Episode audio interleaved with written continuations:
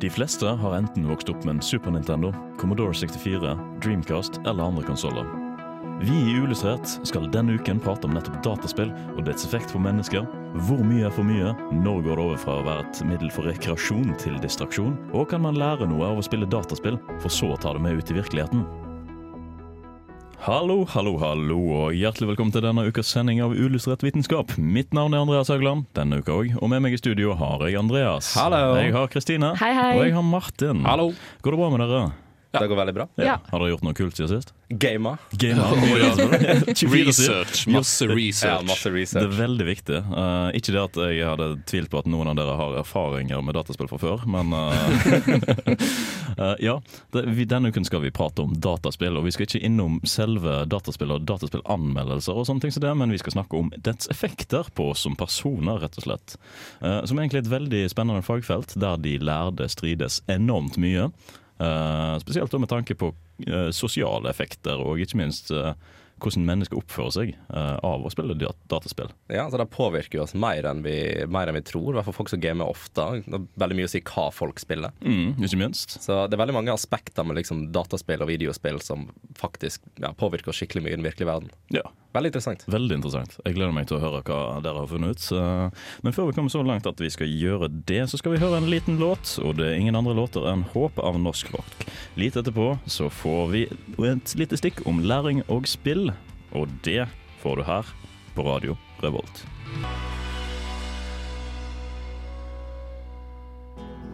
Av og til kan det være vanskelig å finne fram til riktig funfact. Derfor har vi samla mange funfacts på ett sted, slik at det blir lettere for deg å finne fram til riktig funfact. Funfact Fun illustrert vitenskap.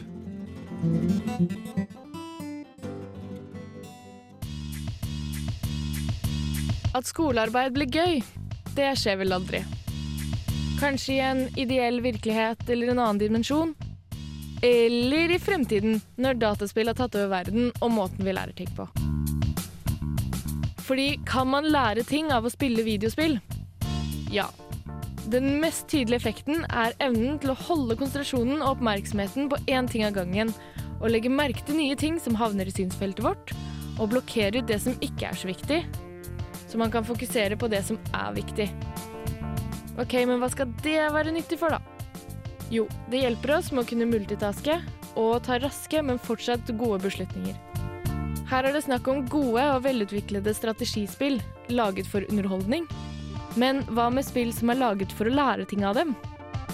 Sånne spill kan være fengende og motiverende med at de har belønninger underveis, og det er her de har en klar fordel når det gjelder å lære bort ting. Man får jo ikke lært noe med mindre man sitter og jobber med det. Og sånn har teknologien en klar fordel med tanke på mulighetene man har til å tilpasse læringen til den enkelte elev og student. Men er det virkelig bedre enn tradisjonell læring? Tja. I en studie der elever skulle lære et visst pensum, noen via et læringsspill og noen på en tradisjonell måte, gjorde elevene det faktisk helt likt på testen etterpå. Altså, de lærte det like godt. Så er det jo det velkjente faktumet at man lærer bedre av å lese en ting på papir enn en ting på skjerm. Og at man lærer bedre av å skrive ting med penn på papir enn å skrive det på et tastatur. Så selv om det å bruke videospill er en super mulighet for å øke motivasjonen til å lære, kan man ikke riktig ennå bytte ut lærerne med datamaskiner. Jeg er Aksel Tidemann. Jeg jobber som forsker på kunstig intelligens ved Telenor Research, og du hører på uillustrert vitenskap. Og du hører på Illustrert vitenskap på Radio Revolt. Ja, det er jo veldig spennende akkurat dette med dataspill og læring. For Jeg husker jo sjøl da jeg var liten eh, og fikk lov å bruke PC-ene på skolen, barneskolen. Vi var jo vel bare 50 stykker der, eh, så det var ofte vi fikk lov å bruke PC-en der. Men der var det alltid sånne spill der du kunne måtte løse regneoppgaver og diverse ting sånn som det. Ja, det var sikkert Josefine. Ja. Nei, vi, ja, faktisk ikke det. Vi hadde et, et spill som heter Math Blaster. Fra sikkert uh, Er det når du skal skyte matte regnestykke ut i verden. og sånne ja, ting? ja, sånne ting som det. Ja. Uh, faktisk. Uh, og det er sikkert fra 1972, holdt jeg på å si. Sannsynligvis. Nei, 19 et eller annet, 1990 et eller annet. Men uansett, det er i hvert fall et sånn type spill som jeg tenker på da når jeg tenker på spill og læring i første omgang, i hvert fall. da. Ja, eh, og det er faktisk litt morsomt du sier, fordi at det, er det man tenker da når man sier at å, du kan lære ting av spill. Så tenker man å ja, men da kan jeg lage spill sånn at folk kan lære av det. Mm. Men ofte så er de eh, spillene dårlig laget, eh, sånn at de er ikke så veldig bra sånn grafisk sett. Eh, og at de har veldig mye feil. Ja. Eh, og glitches, som de kaller det på norsk. På fagspråket. Ja. Og, eh, og de treffer veldig ofte sin eh, målgruppe veldig dårlig. Mm. Eh, og og de har ikke den muligheten til at de tilpasser seg spilleren. Sånn at Sånn som vanlig Sånn som spill som er laget for underholdning gjør, da. Da er det ofte lagt veldig mye mer penger inn i at det skal være bra grafikk, de skal eh, gjøre det interaktivt, de skal lage et bra spill, da. Ja, for akkurat lærespillene som jeg tenker på nå, er ikke kjent for å ha en gripende storyline som du føler du blir, du blir fanga i. Nei, så du mister på en måte veldig mye av det, da. Det som ofte er problemet med sånne spill, det er jo at eh, det er superåpenbart at dette spillet er laga for sånn lærepurposes. da. Ja. Og spilleren, spilleren føler seg faktisk mer, som regel veldig mye mer dummere. Av at liksom, Du tror at det er så lett å liksom få meg til å, å lure meg til å lære noe. Mm, de, de er ofte veldig dårlig tilpasset sin, de, sin målgruppe. Mm. Og greia er at det er jo um, Det er jo sikkert en bra ting. Man kan, eller man kan sikkert lage veldig mange spill som er liksom bra for læring, men det man har funnet ut, er at folk lærer egentlig mer av å spille eh, underholdningsspill, da. Eller spill laget for underholdnings... eh, underholdnings... eh, ja. Ja, for du kan, kombinere, du kan kombinere begge to. Du, selv om du ikke tenker over det når du spiller et moderne spill, så lærer du jo noe. Du lærer jo enten eh, noe for å forbedre konsentrasjonen din, eller eh, andre kognitive evner. Ja, man får, man får rett og slett skills til Altså ikke sånn 'nå skal jeg lære meg denne tingen i dette faget', men du får litt mer sånn generelle ting. Du får eh, bedret eh, altså evne til å fokusere på ting Mm. og, og legge merke til ting i synsfeltet ditt. Og eh, hindre distraksjoner fra å distrahere deg. Og eh, man får eh, Ja, man blir be får bedre sånn øye-hånd-koordinasjon og sånne ting, da. Og bedre logisk sånn strategi. Hvis du spiller mye strategispill, så blir du veldig flink i logisk tenkning og strategi. Ja. Eh, og det har de faktisk vist. Det er ikke bare noe man tror, men det, det har de masse forskning på. Og tingene, er, Der er jo læringsutbyttet òg veldig subtilt. på en måte Du går liksom ikke inn med nødvendigvis et mindset om at nå Nå skal du bli en taktisk mastermind. Nå skal jeg bli en taktisk mastermind, men du ja, på sida bare lærer mer og mer. og mer Ja. Og det, det, er da, det er egentlig der du får det største utbyttet fra spill, når det ikke- er åpenbart måte, hva du lærer. Absolutt. Det er jeg enig i. Mm, og det er liksom Og det er på en måte I denne Google-verden da eh, så er det også at eh, man trenger kanskje ikke å lære ting for å huske faktakunnskaper. Altså Man må jo selvfølgelig huske mye faktakunnskaper, men det er kanskje litt viktigere man, at man lærer hvordan man bruker denne kunnskapen på en god måte. Og det å samarbeide og det å ha liksom ulike holdninger til ting. Og at det er kanskje det eh, spill kan lære oss, da. Istedenfor faktakunnskaper. Um, fordi der har de en desidert fordel. Men så har du også problemet med spill som er at det er ofte i 2D. Ja. Og så har det seg slik at i læring generelt, jo flere sanser og jo flere dimensjoner du involverer, jo bedre lærer du av det. ja, for da får du brukt på en måte litt flere eh, Litt sett på spissen her, og brukt flere deler av hjernen da, til å re um, resonnere. Ja, for da, spiller da blir du stimulert på flere måter, og Ja. da husker du det bedre, for da må du prosessere det bedre.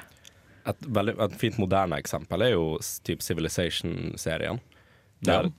Alt primært handler om at du skal bygge opp en nasjon fra bunnen av, men det er fortsatt mye måte, altså du, du bygger jo ting sånn som du vil sjøl, men det er veldig mye ting som er basert på fakta. Da. For eksempel altså stormakter, eh, hvilke land som har styrt da og da, og ja, hva ledere sånn som har vært. Så du bare, du bare lærer fakta som en kan i etterkant. Ja.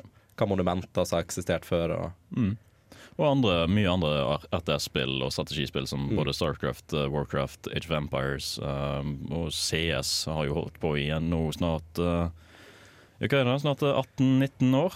ja, det er vel noe Ja.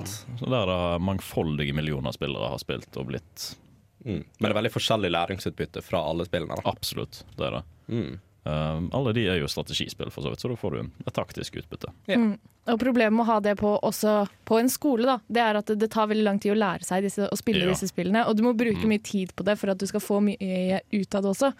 Så da er det kanskje Kanskje man kan tenke, da, istedenfor la oss ta spillene inn i skolen, men la oss tenke at dette her er faktisk noe vi kan få utbytte av, og ikke bare er dårlig for oss, da. Ja, og Ikke tvinge det på folk. Nei, Ja. eh, for det er en ting det går an å bruke fritiden sin på. Ja, faktisk. Hvem skulle tro? Faktisk. Jeg har aldri tenkt meg å bruke tida på fritida mi på dataspill.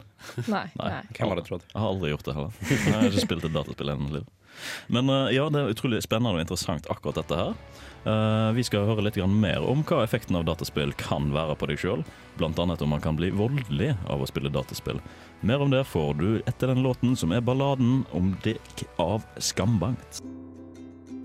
Vitenskap er kjempegøy, og derfor er også uillustrert vitenskap kjempegøy. Det er kalas, for å si det sånn. Her på Radio Revolt. Ja, tusen takk for den nydelige nydelige segwayen der. Det blir ikke bedre enn et kalas. Nei, det blir ikke det. Uh, nå skal vi over til å diskutere litt, og vi skal ikke diskutere noe annet enn nemlig det om man kan bli voldelig av å spille dataspill. For det er jo uh, noe som var en greie mens vi vokste opp, var jo det at alle mødres frykt var jo at barnet deres skulle bli uh, veldig voldelig av å spille grafiske spill, som f.eks. et skytespill eller ja. Mm. Mm, det er jo veldig relevant i dag òg. Veldig relevant i dag, for det er ikke sånn at dataspill har blitt mindre grafiske med årene, ettersom de har blitt mer realistiske i grafikken. Nei, de har, fått, eh, de har blitt mer grafiske. Ja, Mer realistiske. Ja. Men hva, først før vi eh, begynner å komme inn på noe sånn litt sånn faktagreier, bare spør hva tror dere sjøl, egentlig? Um, I en mindre grad, ja. I en mindre grad, ja. Fordi um, altså, igjen, det har jo blitt gjort mye forskning på dette her, og tingen er at det er faktisk eksempler på der folk har blitt påvirka av et dataspill. De har trodd at det er sånn virkeligheten fungerer, da, spesielt med ungdom og barn. Mm. Og så har de da gjort en ting så du kan gjøre i dataspill i virkeligheten, og så har det hatt et fatalt uh, resultat. ja. Selvfølgelig, dette er jo i mindre Altså, dette er jo the exception of the rule. Det er jo nettopp det det er, for det er jo en, en mangfoldige millioner som spiller det, og så er det én person som gjerne har en litt eh, uteliggende psykisk problem, problem, da, som kanskje F blir for, veldig mye lettere påvirka av dataspill. Ja. Ja, da er det stort sett alltid en ekstra faktor som Ja. er involvert. Som, som nemlig en, for en uteliggende psykisk sykdom. Ja. Ja, Hvis du er litt utsatt fra før av, så kan det jo ha en større påvirkning på deg enn det det kan ha for andre. da. Mm. Eller for ja, de som ikke har den uh, Ja, eh, er så utsatt. Nettopp. Men òg en ting med det, akkurat det der er jo det at hvis du blir, spiller kompetitive dataspill, så blir du ofte veldig aggressiv når du spiller, og du taper og du er irriterende. Men uh, det blir jo også det av konkurranser, generelt konkurranser. Ja. Og det er jo litt det samme her. altså Kan du legge skylda på dataspill, da? Du har på en måte ikke, du har på en måte ikke de Ofte når du spiller et spill da, i virkeligheten, så har du andre som kan på en måte roe deg ned og si at OK, men nå hisser du deg for mye opp, og Mm. la oss ta en pause. la oss... Take a chill pill. Ja, Men det har på en måte ikke dataspillet. Den registrerer ikke det på samme måte som en annen menneske ville gjort. da, Og si sånn OK, men nå er det på tide å ta en pause. Mm. Du får på en måte ikke den pausen, da. Men ofte da som kommer vi da eksempel hvis en tar Counter-Strike som, eh, som et utgangspunkt. Ja, det er jo i hvert fall alle mødrenes frykt. Ja, Det er eh, Call of Duty og alt men, men tingen er at mye av den aggresjonen som i så fall kan fremstå, kommer fra ikke nødvendigvis spillet i seg sjøl, men fra kommunikasjonen med andre spillere. For der er du på en måte tvunget til å samarbeide. Da ofte over da voicechat chat og er du, du skal ofte samarbeide med folk du aldri har møtt før. Ja. Eller spilt med. Og da, og da kan være frustrerende, men det kan være like frustrerende utenfor et dataspill. ja. Så veld, veldig, veldig mange av eh, på en måte den, da spørsmålet om å bli voldelig av dataspill Det kom på en måte av at mødre og foreldre og litt folk som ikke forsto mediumet, så på en måte for folk som spilte dataspill som litt dumme, i den forstand. De antok at barn og unge ikke var i stand til å på en måte skille mellom virkeligheten og et Mm. spill, og de antok at uh, selvfølgelig hvis de, hvis de er i stand til å ta livet til noen i et dataspill, så er de like mye i stand til å gjøre det i virkeligheten, og det er jo fullstendig usant. Det er helt fullstendig uh, på trynet egentlig å tenke det i det hele tatt. Men Mm. nå er det jo lett for oss å si som har vært gjennom den fasen der vi har vokst opp med dataspill. Det har vært en del av våre liv siden vi var fire-fem år gamle, Mm. uh, så videre. Starta litt rolig med en Super Nintendo, kanskje, men uh, Ja, my mye av det som har kommet av dataspill, eh, er jo da at man, i hvert fall i en ung alder, kan føle en trang til å etterligne det som skjer. ja. I, altså Ikke nødvendigvis da at uh, du har ly- ja, så da da du lyst til å knivstikke noen for at du gjorde det i spillet, men at hvis det skjer noe kult, akrobatiske greier, så har du på en måte lyst til å se om kan jeg få dette til sjøl. Klarer du å ta en trippel Klarer, backflip? klarer jeg backflip? Klarer jeg å hoppe fra den stolen der bort til den andre, sånn som Super Mario kan? Ja, Og da kan det ofte ende opp at du skader deg sjøl. ja. Ja, det er litt sånn som de vennene man hadde som skulle etterligne Jackass. Ja. Klart. Alle har en sånn venn. Som, Ja, ja, alle har en sånn venn, faktisk. Men det er ikke så mye bedre å klatre i trær, liksom, da. Jo, Så det du, er så- så alle, klart alle har jo dårlige ideer. Alle barn har dårlige ideer. Sånn er det bare. Det er helt sant. Men, men dette er jo i hvert fall et område som de lærde strides på. Det er jo studier som viser jo nemlig at det ikke har noen effekt, fordi den generelle massen av eh, folk som sp- spiller dataspill, ikke blir påvirka. Og så er det studier som viser at dette her faktisk påvirker eh, folk. Men da må du òg tenke liksom, er det korrelasjonen mellom at du har noe annet som er problemet? Er det miljø? Er det hvordan har du det psykisk sett? Har du det bra med deg sjøl? Spiller du bare pga du vil vekk fra noe, og sånne ting som det. Hmm. Men kan, hvis en skal konkludere det på noen måte, så kan man si at dataspill kan være en av faktorene Ja. til å frembringe en type oppførsel. Men det er aldri Det kan strikking òg. Nei, Ja. kanskje. kan. Men i hvert fall de fleste tilfeller så er ikke dataspill den eneste grunnen til at noen kan bli voldelig. Nei, det er helt sant. Men vi skal òg diskutere litt til før vi tar en låt. Og det er nemlig det om vi kan bruke dataspill som rekreasjon eller distraksjon. Når blir skillet? Når kommer grensen? Hei, jeg er Knut Jørgen Røde Ødegård. Du hører på Uillustrert, som er eh, like kraftig som en supernova, eller kanskje en hypernova. Like vakkert som en stjernehop, og like spennende som en Venuspassasje. Og det er det uten tvil uh, like spennende som. Uh, ja, dette her er jo da uh, stikket der vi skal snakke litt om rekreasjon mot distraksjon når det kommer til dataspill. For dataspill er jo noe som mange bruker som et medie for å komme seg unna ting, for å slappe av, for å få litt fri, for å få tanken bort fra jobb og skole. Og ikke minst for å få en sosial effekt hvis du spiller et dataspill der det er andre som kan spille med deg. Mm. Men da er det liksom sånn Når skal man tenke at eh, eh, Oi, shit, dette her er jo faktisk et problem. Uh, dette her er ikke bare for rekreasjon lenger. Når, når går grensen for når man har spilt for mye? Og sånne ting som det. Hvis du sitter og har spilt Hvis du spiller World of Warcraft i 14 timer i strekk, så er det kanskje på tide å si Kanskje Kanskje lufte godt? Kanskje Ja. Uh, men eh, altså det, man kan jo ikke definere det innenfor en tidsperiode. Nei. Um, det er ikke sånn at ja, Hvis du spiller mer enn to timer, så blir du distrahert, og da har, du ingen, har det ingen effekt på deg. Nei, nei, nei, men nå tenker jeg ikke på sånn distraksjon eller distrahert sånn som det. Jeg tenker mer på at du gjør det fremfor å gjøre andre ting. Du, dis, du spiller dataspill for å distrahere deg ifra at du uh, ikke ja, får til noe som f.eks. du har ikke jobb eller et eller annet sånt som det. Ja, at jeg en måte ja, sier at Ta eksempelet med jobb. At du i stedet for å se etter jobb, så vil du heller spille dataspill. Ja, fordi jobbsøkingsprosessen er for slitsom, føler du. og sånne ting som det. Så det er litt, enkelt litt på når går den grensa der? Eh, når det faktisk påvirker deg så mye som det. Det må jo nesten være når det begynner å gå utover andre ting, da. Som f.eks. om det går utover søvn, eller hvis det går utover at du ikke spiser eller ikke dusjer, eller sånne ting, da. Mm. Eller det sosiale også, hvis du slutter å gjøre ting som du vanligvis har gjort. Ja. Ja. Rett og slett. Men er da kommer jeg meg inn på noe altså, typ avhengighet. Dataspillavhengighet er ja, jo det er jo et stort problem, faktisk. Um, et, et studie som er forska ganske mye på, men ikke så mye, fordi det er jo relativt nytt fenomen. da. Uh, nå skal det jo sies at det har jo eksistert kanskje i 30-40 år. men, uh, men uh, ja, det er et veldig nytt fenomen som man ikke vet så mye om, fordi det er ikke lagt altfor mye forskning. Selvsagt mye, men ikke altfor mye Mm. inni det. Og så er det også det at man har funnet ut at hvis du, hvis du spiller for mye dataspill, så er det veldig lett for å bli avhengig av det. Mm. Fordi du får hele tiden Dataspill er laget på den måten at du får hele tiden feedback. Mm. Og hvis du hele tiden får den derre 'hei, nå klarte du noe', ny high score, ikke sant, Mm. så får du hele tiden den eh, det dopaminrush som gjør at du blir avhengig av det. da. Mye mestringsfølelse føler du da, selv om det ikke nødvendigvis har noe effekt for ditt eget liv i virkeligheten. Ja, Og da har man lett til å falle inn i en sånn ond spiral, da. Eh, Med at du blir avhengig, og da, da går det nedover. Det blir nesten litt sånn altså, det, 'Chasing the Purple Dragon', eller hva det er. Ja, det er Bare kanskje litt mer bokstavelig, for du skal kanskje ut og drepe en drage. Ja. Men uh, selv om vi uh, trasher litt på dette her at uh, dataspill er farlig og skummelt, så må vi huske på at det faktisk er jo et rekreasjon. Det er jo et middel for å få uttrykt sin egen kunstart òg, hvis du er en utvikler av spill. Og ikke minst, eh, ja, for å binde sosiale bånd og alt mulig med andre mennesker som du spiller dette her med. Ja, Vi kommer tilbake til litt mer positive tingene etter hvert. Det kommer vi tilbake til.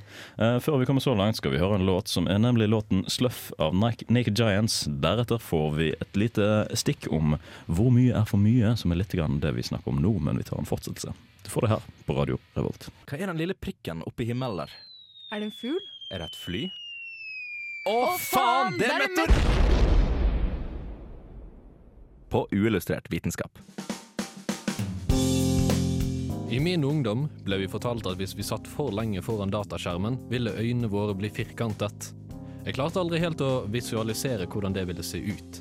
Ville pupillene bli firkantet, øyehulene, irisen, eller en kombinasjon av alt? Ikke at det hadde noe å si, fordi det viste seg seinere at det kun var oppspinn. Men i 1998 så visste jeg ikke bedre. Så, hvis øynene ikke blir firkantet av overdreven spilling, hva skjer istedenfor? Og hvor lenge er for lenge? Heldigvis finnes det i dag massevis av forskning på akkurat dette her. Forskning som i stor grad er basert på barn og ungdom sitt forhold til gaming, for tydeligvis driver ikke voksne med sant. Uansett, forskningen viser at det ikke er noe enkelt svar. Eller gjør den det? I tidsskriften Psychological Science beskrev forskerne noe de kalte for the Goldilocks effect. Altså på samme måte som Gullhår fant grøten som ikke var for varm eller for kald, fant forskeren en tid man kan få maksimalt positivt utbytte av dataspill, før det begynte å gå nedover. Denne tiden var 1 time og 40 minutter på hverdager, med litt ekstra i helgene. Men hvorfor akkurat 1 time og 40 minutter? Jo, for de som med all annen skjermbruk kan det etter hvert gå utover søvn, man hopper over måltider, og det kan gå utover det sosiale. Disse faktorene kan etter hvert gå utover humøret. Men samtidig har det positiv effekt på humøret å ikke spille for mye. Så i seg sjøl er ikke dataspill et så stort problem, men heller tiden det kan ta. Kanskje problemet er ikke tiden man bruker på dataspill i seg sjøl, men heller hva den tiden kan erstatte.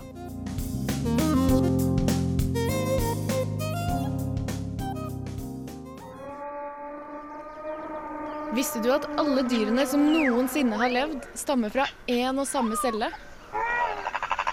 Du hører på Uillustrert vitenskap på Radio Revolt. Det stemmer helt fullstendig. Du hører det her nå. Akkurat, og akkurat når du vil. Umiddelbart. Når du vil. Ja. Podkast, skjønner du. Mm. Ja, Det er veldig fint. Eh, Det er jo veldig interessant fenomen akkurat dette. Vi har jo snakket litt om det tidligere stykket, og vi skal Ja. snakke mer om det nå. Hvor Mhm. mye er egentlig for mye? Mer enn 1 time og 40 minutter. Mer enn en, ifølge Ja, ja, ja, ja. ifølge den. Ja. Ja, men den du- den tok òg for seg flere ting. Altså Den tok jo for seg generell skjermbruk i Ja. tillegg, så det var jo ja, så Eh. dette er inkludert eh, Du får ikke bruke skjerm mer enn 1 time og 40? mm, Nei, dataspill. Ah, 1 time og ok, men du 40. Okay, Og så var det liksom altså. smartphone i 1 time og 50 minutter, og så var det TV i nesten fire timer, liksom. Det var Ja, ok, Så til sammen så plutselig har du nesten et døgn med skjermbruk likevel? Ja, det var rundt ti timer. Ja, ja. Og Så så hvis du kutter ned på TV-tiden, så kan du spille mer dataspill.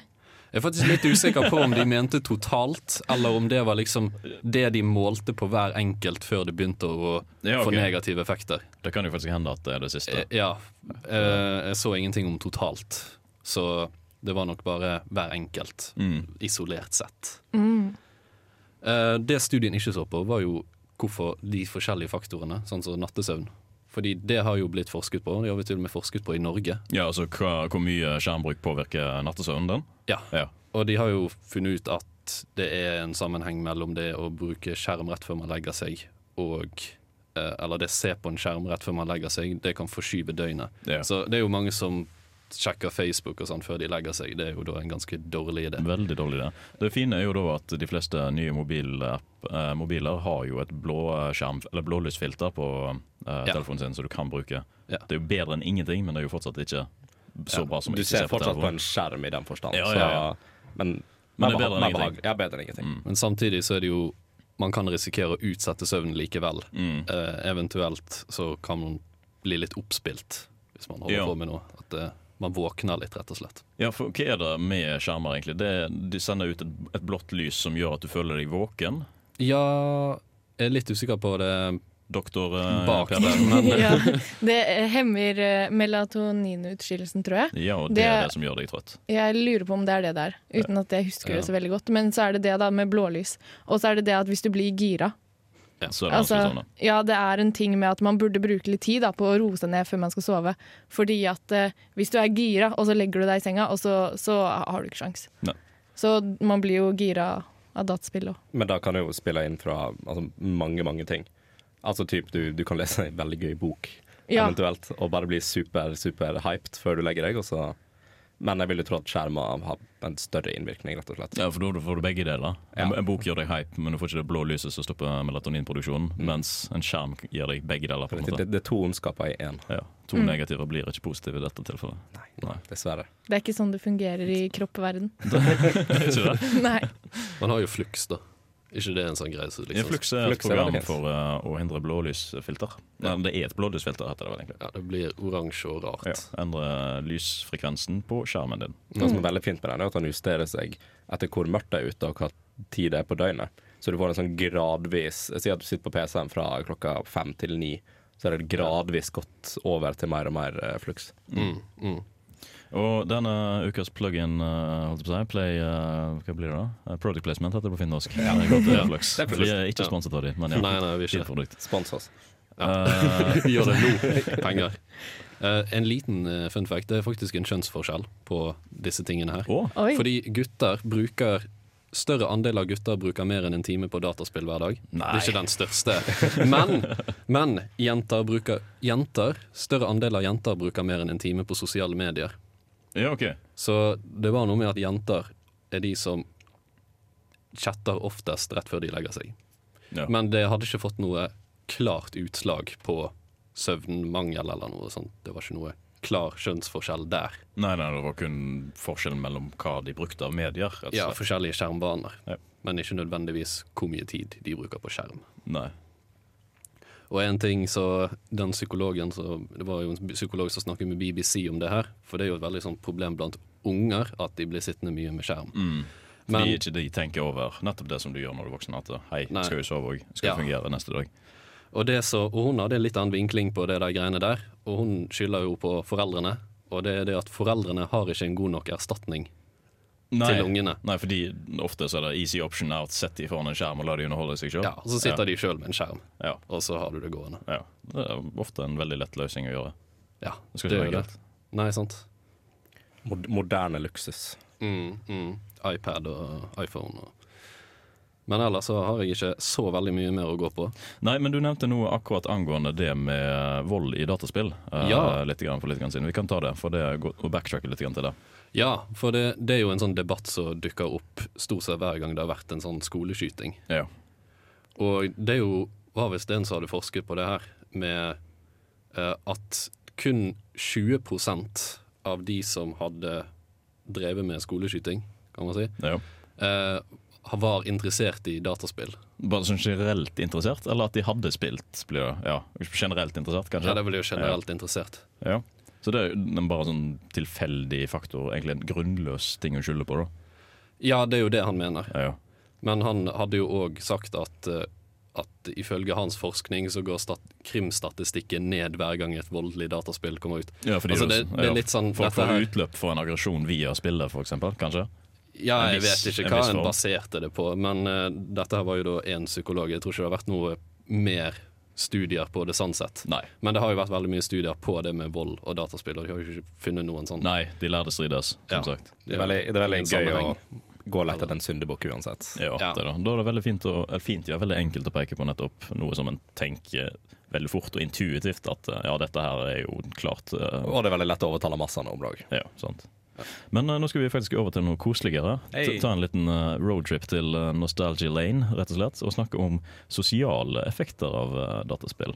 Det blir veldig gøy. Det gleder jeg meg til. Jeg gleder meg. Jeg gleder meg. Før vi kommer så langt som det, så skal vi høre en låt til. Det er nemlig låten 'Custom Girl' av Brenn. Hello, I'm Lynn Rothschild from NASA Ames Research Center, and this is Unillustrated Science. Det er lett å anta at personer som bruker mye tid på dataspill, gjerne prioriterer dette over det sosiale.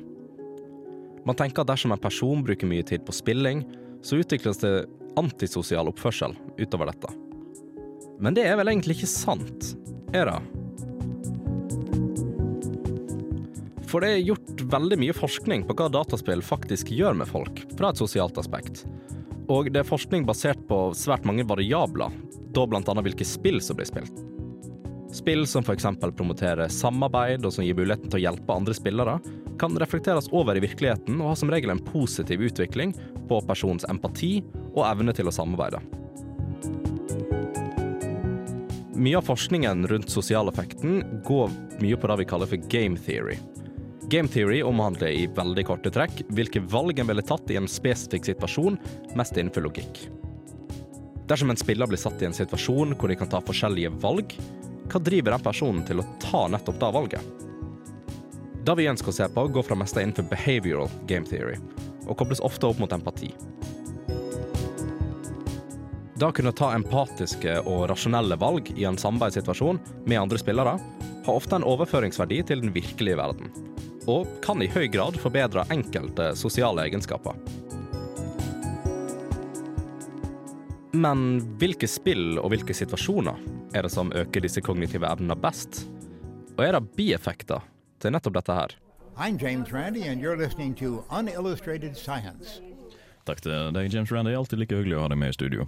Ja, alltid moro. Ja, Veldig hyggelig. Ja. Sosial effekt og gaming. Det er det vi skal prate om nå. Det er det vi skal jobbe litt om Vi nå. skal jobbe i eh, relativt lang tid om dette, fordi det er et tema som er veldig interessant. Eh, de fleste som spiller online-spill, i hvert fall, opplever jo et sosialt aspekt av dataspill. Eh, og også de som ikke spiller det. For da, altså, I gamle dager når du hadde, du hadde Super Nintendoen i vennegjengen din, så kom vennene dine over på besøk til deg og spilte Super Nintendo sammen med deg. Ja, men det er jo ikke sånn Altså, Tiden har jo forandra seg på det. Det er jo ikke sånn moderne gaming fungerer lenger. Nei. Nå sitter du på en PC hjemme eller på en konsoll hjemme, og så spiller du med vennene dine, så er en konsoll hjemme, de òg. Ja. så den der liksom sitte i sofa-gaming, det er ikke så vanlig lenger. Nei, nei, nei.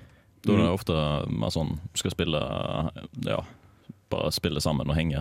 Ja. Man kan, man kan tjene mer penger hvis alle sammen må kjøpe hver sin kopi. Yeah. Det er helt sant. Det er helt sant.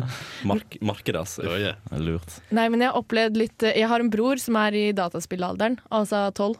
Eh, og jo, men der har jeg opplevd litt sånn Der gjør de litt begge deler. Det er noen ganger at de sitter på hver sin PC og spiller, men så er det også noen ganger at de tar fram på en måte nettbrett eller sånne ting, sånne litt mer mobile ting, og så setter de seg sammen og spiller. Eh, gjerne online, men de Mm. sitter sammen og spiller online, på en måte. Ja, jeg sier ikke at mediet er borte, men det er bare litt Da har du Jackbox, eh, som er veldig sånn Jackbox, for eksempel. Ja, veldig simpelt spill å gjøre sånt med. Mm. Men å, herregud, nå fikk jeg sånn nostalgie-flashback til eh, alle som hadde Gameboy og hadde med seg link-kabler. Og satt, oh, ja, satt i ja, ja. ring og linket og hadde det gøy i storefri på barneskolen. Det er veldig moro. Men jeg kan ta og gå tilbake litt på det spørsmålet jeg stilte på slutten av Ja, saken min. Da må kan være bieffekter, f.eks. Og selvfølgelig kan det være bieffekter. Så det kan ha nøyaktig motsatt effekt av det det skal ha. At spill som er laga for at man skal bli mer sosial, mer samarbeidsvennlig med andre, kan gjøre at du rett og slett bare ikke gjør det i virkeligheten likevel. Nei. Det er jo veldig, det er veldig, veldig subjektivt, uh, men det har blitt gjort mye forskning på. Altså blant annet noen av eksperimentene har jo gått på da spesielt type barn, f.eks. I Singapore, mener jeg det var et uh, eksperiment. Um, der det liksom faktisk da gikk og testa om spill der samarbeid Altså det var et såpass direkte direkte eksperiment. At du, skulle, du spilte et spill der du skulle samarbeide om å løse oppgaver, og så skulle du løse oppgaver sammen etterpå. Mm. Og så var det da om dette funka. Ja, Og i det var- eksperimentet så gjorde det det. Funker, funker der, ja. Der Men funka det. Men det er jo ikke alltid det gjør det. Altså dette var jo igjen samarbeid. Altså bare det å være i stand til å samarbeide med noen, det er ikke noe som på en måte ligger nødvendigvis inni oss til en så høy grad hos alle personer. Nei. Noen er mer villige til å samarbeide enn andre, og det vil òg reflekteres på dataspill. Ja. Og hva, hva var det andre jeg spurte om på slutten, da? Um, hva, hvilke, ja, hvilke situasjoner spesifikt kan dette ha å gjøre? Og liksom når man kommer inn på spesifikke dataspill, f.eks. Du har jo Dette har jeg skrevet oppgave om òg. Nei. Gutten som studerer medier. Fikk A. Hei. hei. Ja, sku- det, det, det var nok en plagg.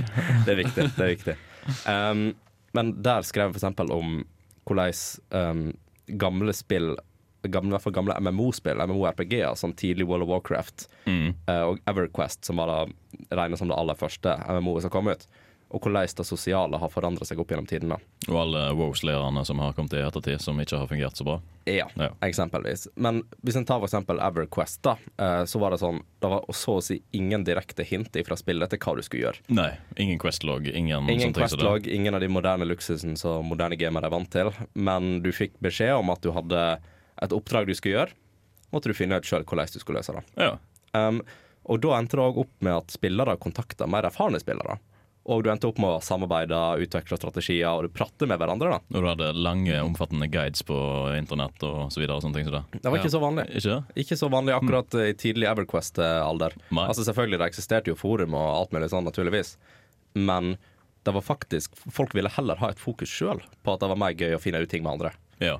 Det er jo uh, litt sånn sammenlignbart nå. Nå i um, eh, For et lite års tid tilbake siden så kom det jo en expansion i World of Warcraft som hadde faktisk et sånn lignende konsept der eh, noe ikke ble unlocket før de hadde løst et eller annet som puzzle som ikke var noen som helst hint til. Mm. Du måtte reise rundt i hele verden da som var World of Warcraft og finne disse sånne ting, sånne random ting som du skulle trykke på, Mm. og så plutselig unrevealer det seg et hint. Og da var det en hel mangfoldige tusen spillere som samlet seg på en discord og gjorde, løste disse puslespillene og cracket de og få sånn, og nå har en eller annen kineser funnet ut at det er sånn du skal gjøre den delen der, og så gikk eventen videre. Mm. Og sånne ting ser vi igjen i dataspill nå, men det er ikke normen. Nei.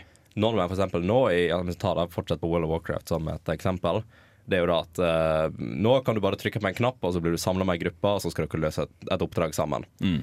Men det er ikke noe, noe som ligger inni spillet som gjør at du trenger å kommunisere med dem. Nei. Du skal bare gå og gjøre rollen din, og så er du ferdig. Ja, du skal gå og gjøre rollen din, du skal utføre ei oppgave. Altså, Du skal ikke lenger fokusere på å ha det gøy med vennene dine, du skal bare løse ei oppgave. Når oppgaven er løst, så blir du belønna. Ja. Akkurat World of Warcraft er jo et spill som jeg har spilt lenge og tatt pauser fra å komme tilbake til når det har kommet nytt content og sånt. Og det merker jeg jo sjøl eh, hvordan det var i starten, når jeg spilte som eh, 11-12 år gammel, Mm. er jo helt annerledes enn hvordan det var når jeg spilte den siste expansionen som var. Mm. Og det, det sosiale eksisterer jo ikke på samme nivå i det hele tatt, sånn som du nevner. Nei, du gikk jo rundt i en global chattekanal og skrikte etter folk uh, som du trang uh, til gruppa di for å gjøre den tingen. Og så reiste dere 20-30 minutter for å komme til det stedet uh, der du skulle. Du dro rett og slett på et lite eventyr sammen. Ja, sant? Og du hadde, Da fikk du deg venner som du hadde på vennelista og prate med seinere. og sånt. Nå er det jo som du sier, bare trykk på en knapp, og så er du i gruppe med fem, og så skal du rushe gjennom så fort som mulig. Ja, og det går jo da med at spill er, blir mye mer streamlina. Ja, for det skal, ha tilg altså, det skal gi tilgang til et større publikum. Mye mer casual Mm. eh, enn Ja. tidligere. Det er vel litt det der pick up and play-konseptet. Ja, du ja. Altså, du skal kunne løse det på kort tid. Og, og du skal gjøre det gjøre mellom bleieskiften eller mellom middagen skal Ja. lages og sånne ting så det. Ja. Og det er ofte sånn, Men noe av det aspektet som òg kommer, som òg har vært eh, et fokus på Jeg nevnte jo game theory Ja. eh, og behavioral game theory. Og det går jo veldig på dette her med type empati. Da å kunne samarbeide om situasjoner og liksom ja, drive og hjelpe hverandre. Spesielt i for, Ta for eksempel litt gamle sånn skytespill, for eksempel Left for Dead. Mm. Eh, det var jo sånn du måtte hjelpe hverandre, du måtte samarbeide. Eh, og det skapte faktisk en positiv utmerkning på empatien til folk. Ja. Og du har jo moderne spill i dag. Dette er faktisk noe som måte fortsetter litt i dag. Da, at du har spill der du ja, du må samarbeide, du må faktisk du, du, må, du må løse det ved hjelp av andre. Du er avhengig av de andre. Mm. Og det skaper veldig sånn Det skaper en connection med folk. Men det hvert fall veldig uh, mye mer behjelpelig hvis du har en fast gjeng du gjør sånne ting som er. Mm. Da har du liksom Du skjønner nå at den personen kommer til å gjøre det, derfor bør du gjøre det, og så pusler du videre på det. Ja. Men hvis du da i den plug and play, at du kommer med tilfeldige personer, så er det en mye vanskeligere prosess å komme i gang med. Nettopp. Og du får ikke så mange venner av å være med. Randoms. Ja, du kan jo få noen. Du kan naturligvis, men spillet er ikke lagt til rette for det. nødvendigvis. Eh, og du har jo òg spill, eh, i hvert fall når det kommer til empatifaktoren, da, så har du jo enkelt Altså sånn enkeltspillerspill. For eksempel du har OK, det heter, eh, ja, du har Undertale, for eksempel. Det, Mm. det spiller jo veldig mye på empati. Eh, og da for eksempel har jo vist ved forskning av folk som har spilt dette spillet, at de vil De, de har lært, de har faktisk lært noe. Så det går litt tilbake på hva læringsutbyttet du har fått, da, spesielt da sosialt, empati og Ja. egentlig mye gøy. Man får det i den virkelige verden også. Ja, det er det man Ja. får. Det er kanskje den effekten, bortsett fra konsentrasjonsgreiene, som er mest eh, lærbart av dataspill. Altså Mm. Ja. eh, den som ligger underliggende og subtil, da, kan man si. Ja. Eh, det er jo veldig interessant ting å konkludere på. Ja, og egentlig altså, og da spesielt spill der du må ta valg som faktisk har en konsekvens. Så den, den liksom moderne strukturen å utvikle spill på har faktisk vist seg å ha ja, positiv effekt. Veldig positiv effekt.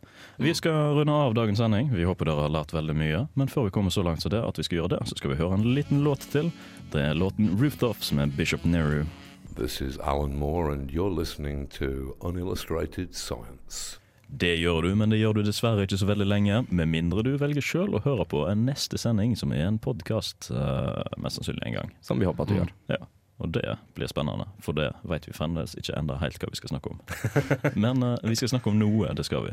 Det var en veldig gøy eh, og interessant sending, dette. Mye diskusjon, mye, mye meninger. Mm. Jeg respekterer alle meningene som kom. Veldig godt å høre. jeg respekterer dine meninger. Takk skal du ha. Takk skal du ha. Det er veldig viktig. Har vi lært dette. av dataspill? Dette har vi lært av empatien vi får eh, fra å spille dataspill. Ja. Kult. Men vi har kommet så langt at vi skal høre siste låten før vi gir oss i dag. Vi har også muligheter for å si at dere kan finne sendingen vår på radiorevolt.no.